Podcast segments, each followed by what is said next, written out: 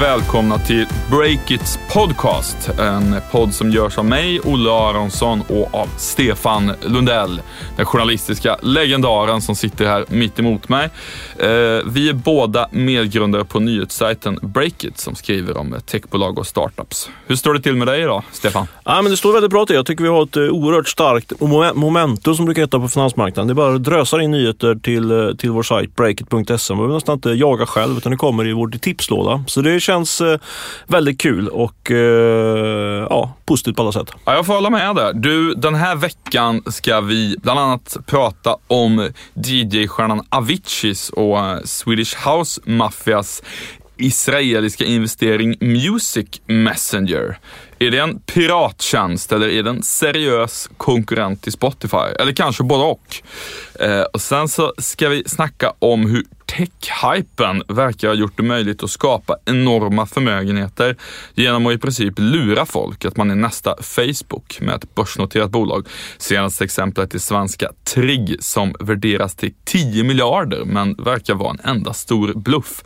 Ska vad som helst få komma in på börsen egentligen. Det snackar vi om lite senare. Men först lite uppföljning från förra podden. Ehm, då hade vi ju rubriken Glöm Mobile Geddon, nu kommer app Apokalypsen, alltså apokalyps med två P, som i app. Eh, vad fick du, Stefan, för reaktioner på dina spaningar kring det? Det var inga som eh, påpekade Göteborgsvikten där, men, eh, men eh, det var en hel del som var både, både kritiska och positiva till, till min analys. Där jag satt, satte ur kakan lite grann och sa att det där med Mobile Geddon är inte så mycket att bry sig om, utan det som man ska bry sig om är huruvida man har en app i sin e-handelssajt eller inte. Eller om e-handelssajten har, har investerat i en app eller inte. Och det var lite grann förenklat, var det liksom vinna eller försvinna huruvida man investerat i den appen.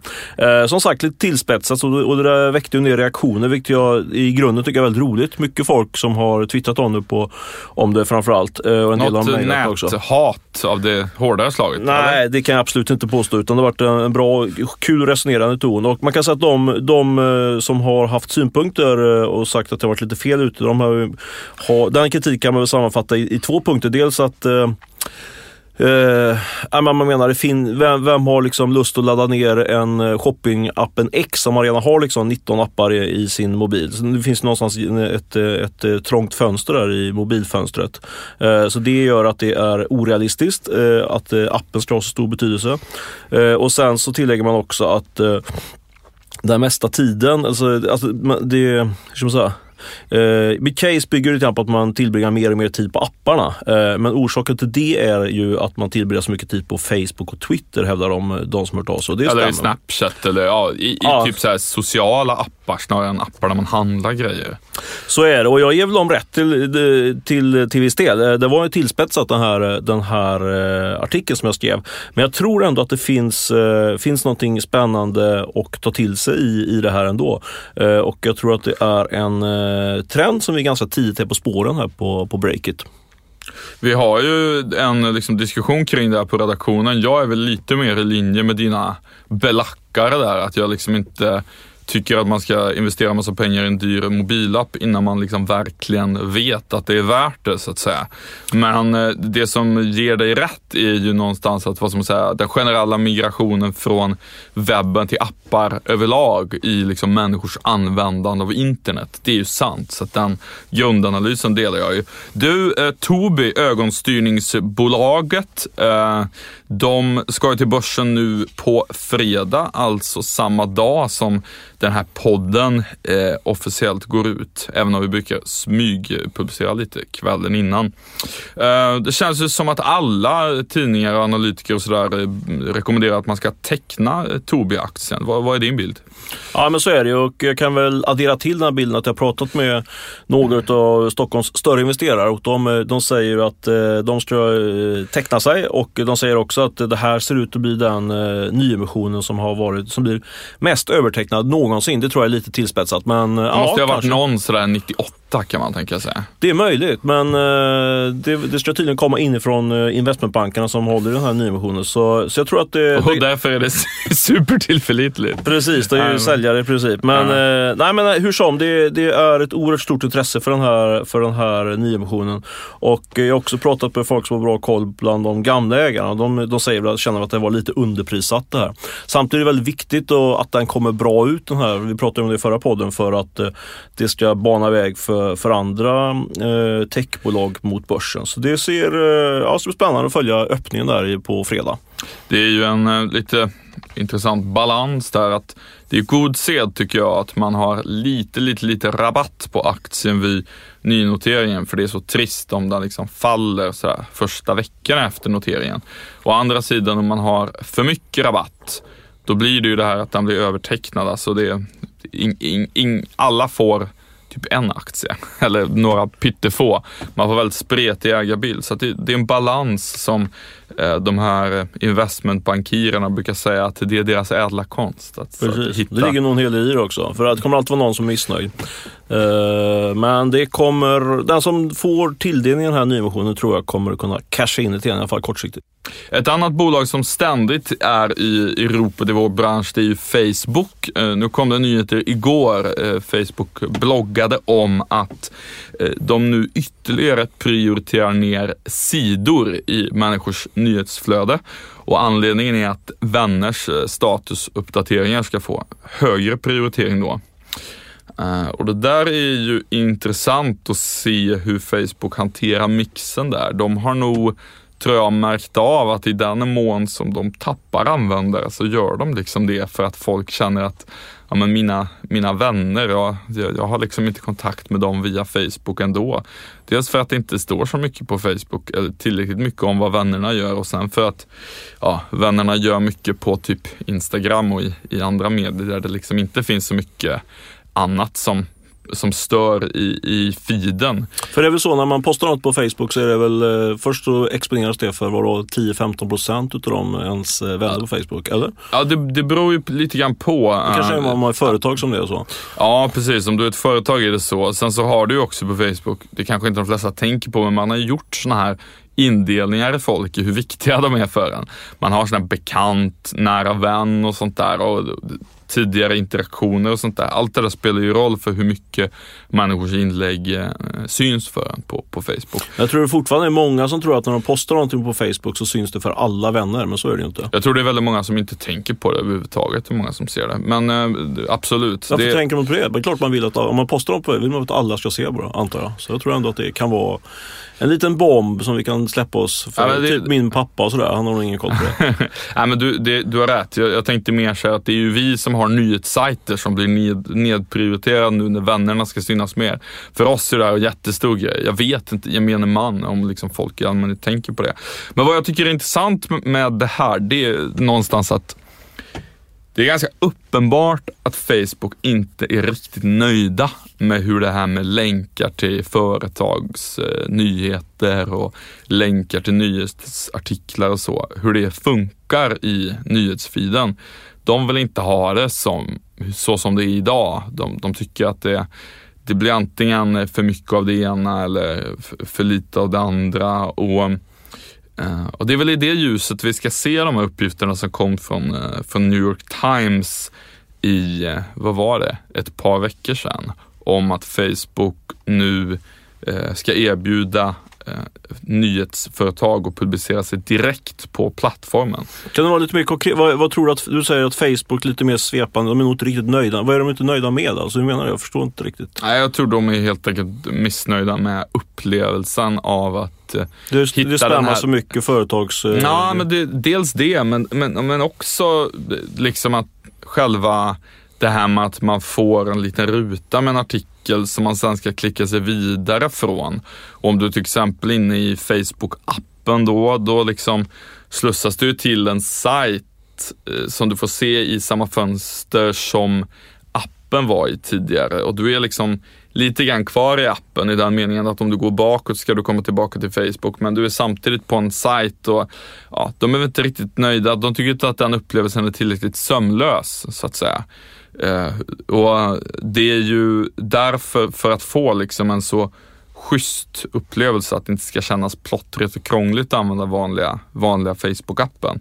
Så det är därför de gör alla de här förändringarna. Både den med att vänners statusuppdateringar ska prioriteras upp och att eh, de enligt uppgifter i New York Times då vill ge publicister möjlighet att publicera sig direkt på Facebook. Och jag, jag har tänkt lite grann på det där i veckan. Jag, jag tror liksom att det man ska se på eh, eh, det, det som är, man ska ta till sig med det där, det är liksom inte så här kommer Aftonbladet och DN och publiceras direkt på Facebook och sen då dela annonsintäkterna med Facebook utifrån det. Det kanske de gör eller så gör de det inte. Men det som det är mest intressant för är ju vilka som inte redan är etablerade nyhetsorganisationer som kommer vilja göra så.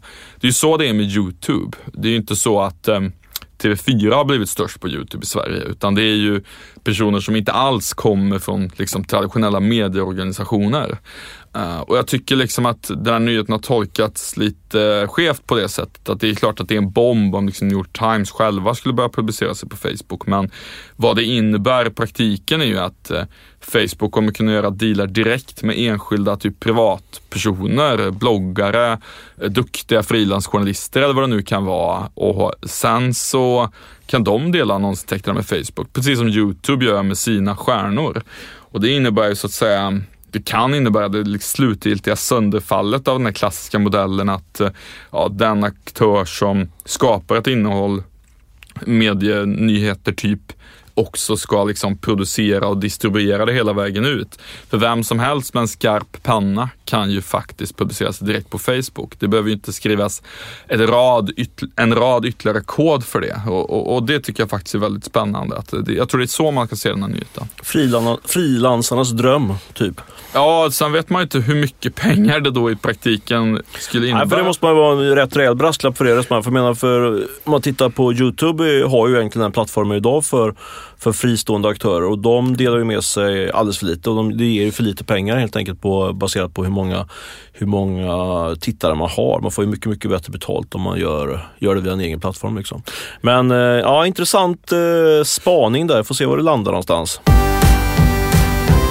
Då har det blivit dags för lite information från Miss Domain, vår sponsor den här veckan. Miss Domain är ett svenskt eh, företag som säljer domänadresser och hostar webbplatser. Och det är någonting som man behöver alltid nästan när man ska dra igång ett digitalt bolag. Man behöver en sajt, den behöver någonstans att leva och finnas och man behöver ett, ett namn på sajten, en, en domänadress som vi har breakit.se. Så är det och den här gången har Miss Domain två budskap att förmedla. Dels är det så att domänadressen gambling.se är ute till försäljning. Utropspriset är eh, 186 008 kronor. Och då får man inte bara domänadressen utan också allt innehåll som finns på sajten idag. Jag tror faktiskt att det är så att man googlar på, på gambling så hamnar de eh, trea i, i Googles, eh, Googles eh, sökranking. Miss Domain vill också påminna om att det går att köpa .se-adresser via dem för 12 kronor stycket. Slå till på det om ni är sugna. Och det var allt från vår sponsor Miss Domain denna vecka. Tack Miss Domain! Vi måste också prata om eh, veckans stora techskandal som har en, en svensk koppling. Eh, en skandal som rullar ut över hela Europa. Men det handlar om det svenska bolaget Trig Social Media. Det är alltså ett socialt nätverk som är noterat på Frankfurtbörsen och har en saftig värdering på runt 10 miljarder kronor. Olle, du har skrivit en liten nyhetsanalys om det här, inte så liten heller. Eh, du vet mer, berätta. Ja, det är alltså så. Vi kan ju börja ge lite bakgrund. Trigg är alltså ett svenskt företag som tidigare var eh, listat på Aktietorget i, i Sverige. Eh, och sen så fick eh, Triggs ledning för sig att vi, vi tycker inte att det är något bra det här med att vara listade i Sverige, för det är ingen som förstår vår affärsmodell här och därför får vi så låg värdering. Då flyttar de till Frankfurt och, och listar bolaget där istället. Ehm, och vad är då Trigg för någonting? Jo, det är Eh, ett socialt nätverk som från början hade en sajt som såg ut exakt som Facebook sajt fast det stod Trigg istället för Facebook. Det var så här helt sjukt likt som man liksom hajade till när man gick in och kollade på sajten. Och, och um, de... Eh, det ska man till det, de har ju sett eh, exempel på tidigare i andra. Alltså Avito ju, har ju varit en, en Blocket-kopia och så, så det behöver inte vara oseriöst för att det är en, en absolut, kopia. Absolut inte, men eh, det, i just det fallet kan man säga att layouten, alltså med den blå färgen och allt sånt där var så liksom spöklikt att man tänkte, vad är det här? Eh, och sen så, jag hörde ingenting av det där efter att de skulle avnoteras på aktietorget. Men sen så nu har de alltså dykt upp i Frankfurt. Och vad är det då Trigg gör egentligen? Jo, eh, de Eh, ja, de har ett socialt nätverk som de liksom hävdar ska bli typ det nya Facebook. Eh, men med liksom någon ny fantastisk eh, modell som ska göra att man inte måste lämna ifrån sig lika mycket information och man ska liksom själv få bestämma mycket mer och de försöker måla upp sig eh, lite grann som andra sådana här sajter som har kommit senaste åren som liksom hävdar att vi, ja, vi, vi, låter dig styra över din, din data och bestämma över dina bilder och allt sånt där. Eh, men eh, efter att då Trigg har rusat våldsamt mycket till den här miljardvärderingen på Frankfurtbörsen eh, så har bolagets revisor börjat titta lite närmare på det, vad som egentligen händer i bolaget inför att han ska ja, godkänna bokslutet för 2014 misstänker jag. Och då har PWCs revisor kommit fram till att um, Trigg har inte de här tre miljoner användarna som de säger att de har. Det är oklart om de knappt har några användare alls. Utan vad bolaget verkar ha det är en lista på en massa e-postadresser bara. Eh, och den ansvarige revisorn har då sagt att eh, han kan inte godkänna redovisningen. Nu har också Ekobrottsmyndigheten inlett en eller de har, jag vet inte om de har inlett en förundersökning, men de har i vart fall bekräftat att de, de tittar närmare på det här fallet. Det här avslöjas ju av realtid.se, en, en ekonomisajt här i Sverige. Precis, de, de har varit egentligen de enda som har varit på där under de senaste åren. Det har liksom varit, när de var på aktietorget, det var liksom en lite för liten grej för, för typ Dagens Industri att, att ta tag i.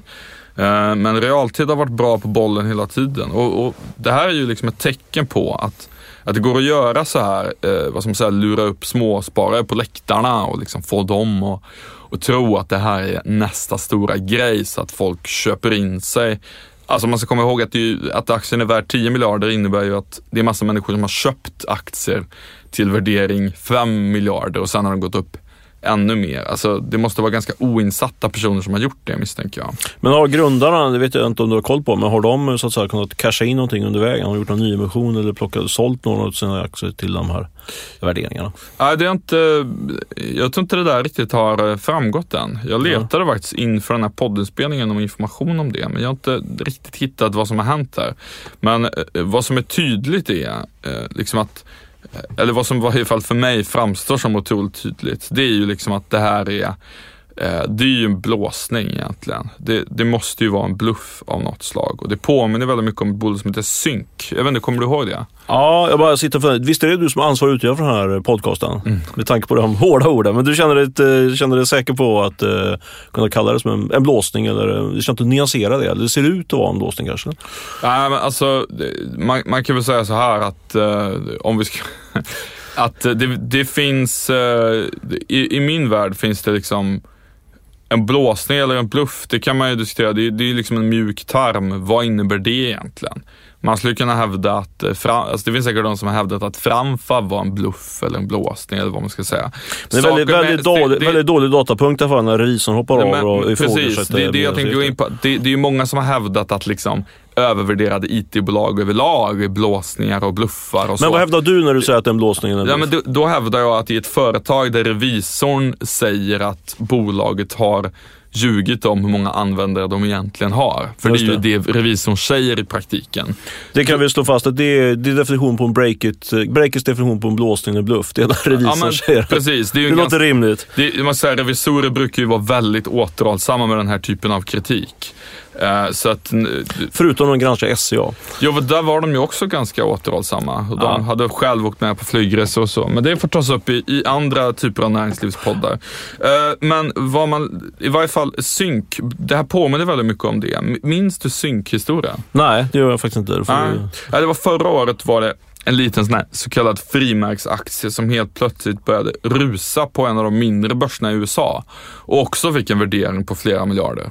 Sync hette det bolaget.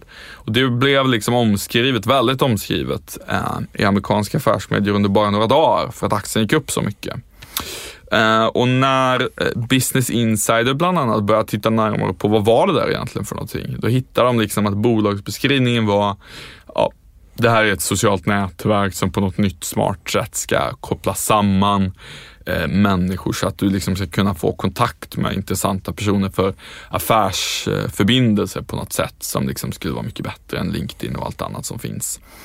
Eh, men sen när de liksom kollar vad, vad bolaget egentligen åstadkommit hittills så fanns det i princip ingenting. Det fanns bara löftet om det här. Mm. De hade inga tillgångar, ingen omsättning och när de dessutom då började ringa efter den ansvariga personen så fanns det en person listad som hette eh, Marlon Luis eh, Sanchez, tror jag, som de inte fick tag på. Så det fanns liksom det var som att bolaget i princip inte fanns. Det enda de kunde få fram till, till att säga någonting om det var en av grundarna som hade lämnat bolaget. Som överhuvudtaget inte var engagerad i det längre.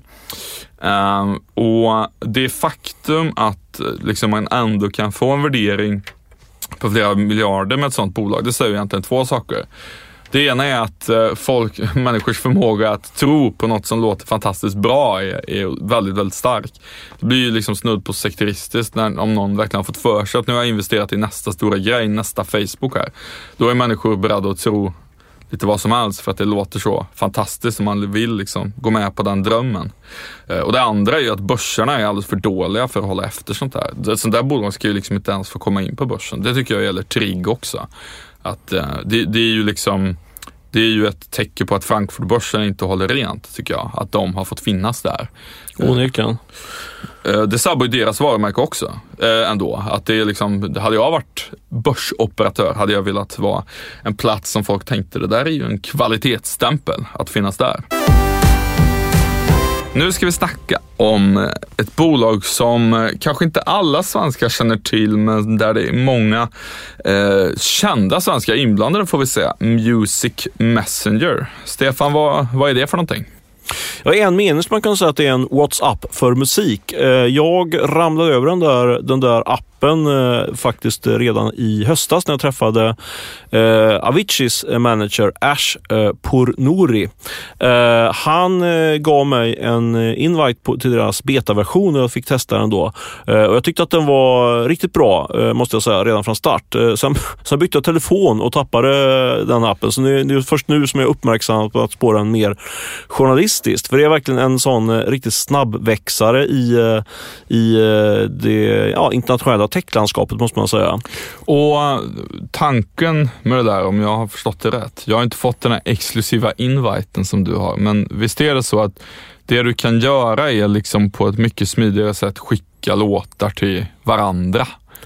Så är det och det är så den säljs in då som en WhatsApp för musik. Men jag måste säga att jag när jag använde den, det blev mer som ett eh, alternativ till Spotify. Eh, jag skickade, visst jag skickade den där till, det var inte så många att skicka till för det var inte så många som hade betaversionen. Men jag skickade eh, musiklistor till någon till som hade fått den där versionen. Det kan ha varit Ash faktiskt. Eh, han tyckte väl att, vred väl sig i eh, smärta över min musiksmart. Jag vet inte. Eh, men, men alltså min poäng är att absolut är, det, är det det som den säljs in på. Men det kan också lika väl eh, ses som en konkurrent till någon av de här betaltjänsterna som finns ute.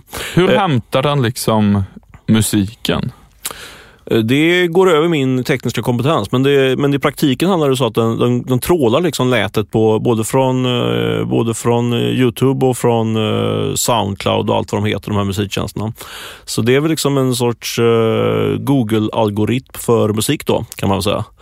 Eh, och anledningen till att vi uppmärksammar den just nu då, det är att eh, de har, eh, ja, den är väldigt snabbväxande och fått in kapital i flera omgångar. Bland annat för några av de, de tyngsta musikstjärnorna i Sverige. Förutom Ash då, så har ju Avicii, Avicii gått in med pengar och också Sebastian Ingrosso från Swedish House Mafia. Uh, och sen kom det nu i dagarna faktiskt att uh, Roman Abramovic har gått in med 15 miljoner dollar i den här tjänsten som nu värderas till en hisklig massa hundratals miljoner kronor. Den uh, ryske oligarken får vi kanske kalla honom för, som bland annat är delägare, eller huvudägare i, i fotbollslaget Chelsea, eller hur? Ja, men det stämmer ju bra det. Men en sak som jag blev fundersam om när du berättade om det där för mig, det är vad tycker egentligen Daniel Ek och Martin Lorentzon, Spotify-grundarna, om att eh, de här svenskarna investerat i ett, ett gratis alternativ till Spotify? Ja, det kan man fråga sig. Jag vet ju inte riktigt vad, hur de positionerar sig liksom mot, eh, mot marknaden och mot, mot andra musiktjänster. Men, eh, men jag tror att det kan vara, absolut kan skapa liksom en fnurra på tråden mellan Ash och Daniel Ek som är eh, goda vänner och partners i, i det här eh, stora musikeventet som ska gå av stapeln i Stockholm här i juni som heter Symposium. Vi har pratat om det tidigare. Ja, det som det skulle kunna bli eventuellt eh, um, om det så att säga infördes någon typ av begränsning i, i Music Messenger, att man inte kunde lyssna på allting fritt men ändå hitta musik utan att komma åt den. Det är ju att det skulle kunna bli en ny typ eh, marknadsföringskanal för musik. Alltså att du kan söka efter musik i Music Messenger, skicka låtar till andra, men att då kan du se typ så här, den här musiken finns på Spotify. Teckna eh, ett abonnemang på Spotify om du vill kunna lyssna på den obegränsat. Alltså att det blir lite som att Vionel är på väg och försöker bli en sökmotor och marknadsföringskanal och spridningsplats för film så skulle Music Messenger kanske kunna bli det för, för musik. Det är ju liksom ett eh, lite mer välvilligt sätt att tolka på det. Det andra sättet att tolka det på är att det bara, de bara försöker göra en pirattjänst som ska vara lite mer att du kan, en, en, en ful Spotify så att säga. Ja, precis.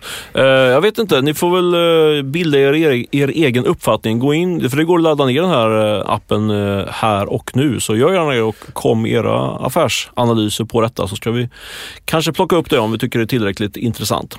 Apropå musikindustrin, vi måste väl nämna att Spotify nu tycks få in det riskkapital de så gärna vill och behöver ha in.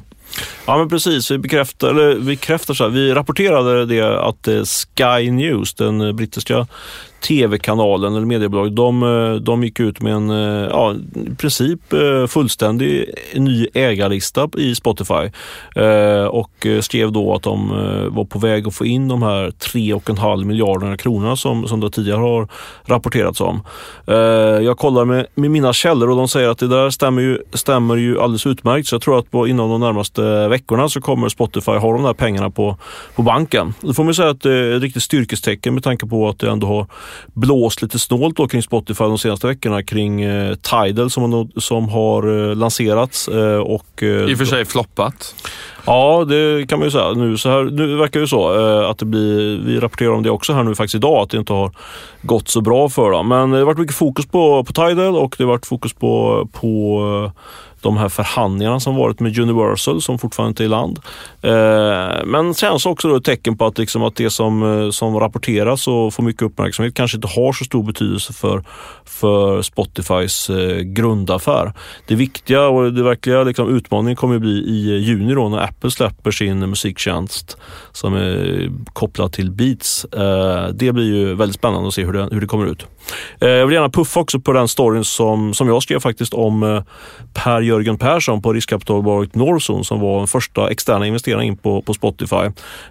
Där vi kan berätta om att hur det gick till när hans, deras investering då, riskkapitalbolagets investering på en kvarts miljard nu har blivit värt sju miljarder. Det måste vara en av de bästa investeringarna i, i svensk techhistoria. Läs gärna den storyn. Ja, och det intressanta är ju att um, det var ingen annan som ville pumpa in pengar i Spotify. All, alla sa ju nej, utom Per Jörgen Persson. Lite Precis. hårdraget. Nej, det är inte ens hårdraget. Det är väl ungefär så det var. Sen gick ju Creandum kom in också. Eh, det var väl de två som, som vågade. Annars har, ju, har ju Spotify fått nobben av bland annat familjen Stenbeck och familjen Wallenberg och en massa andra potentater.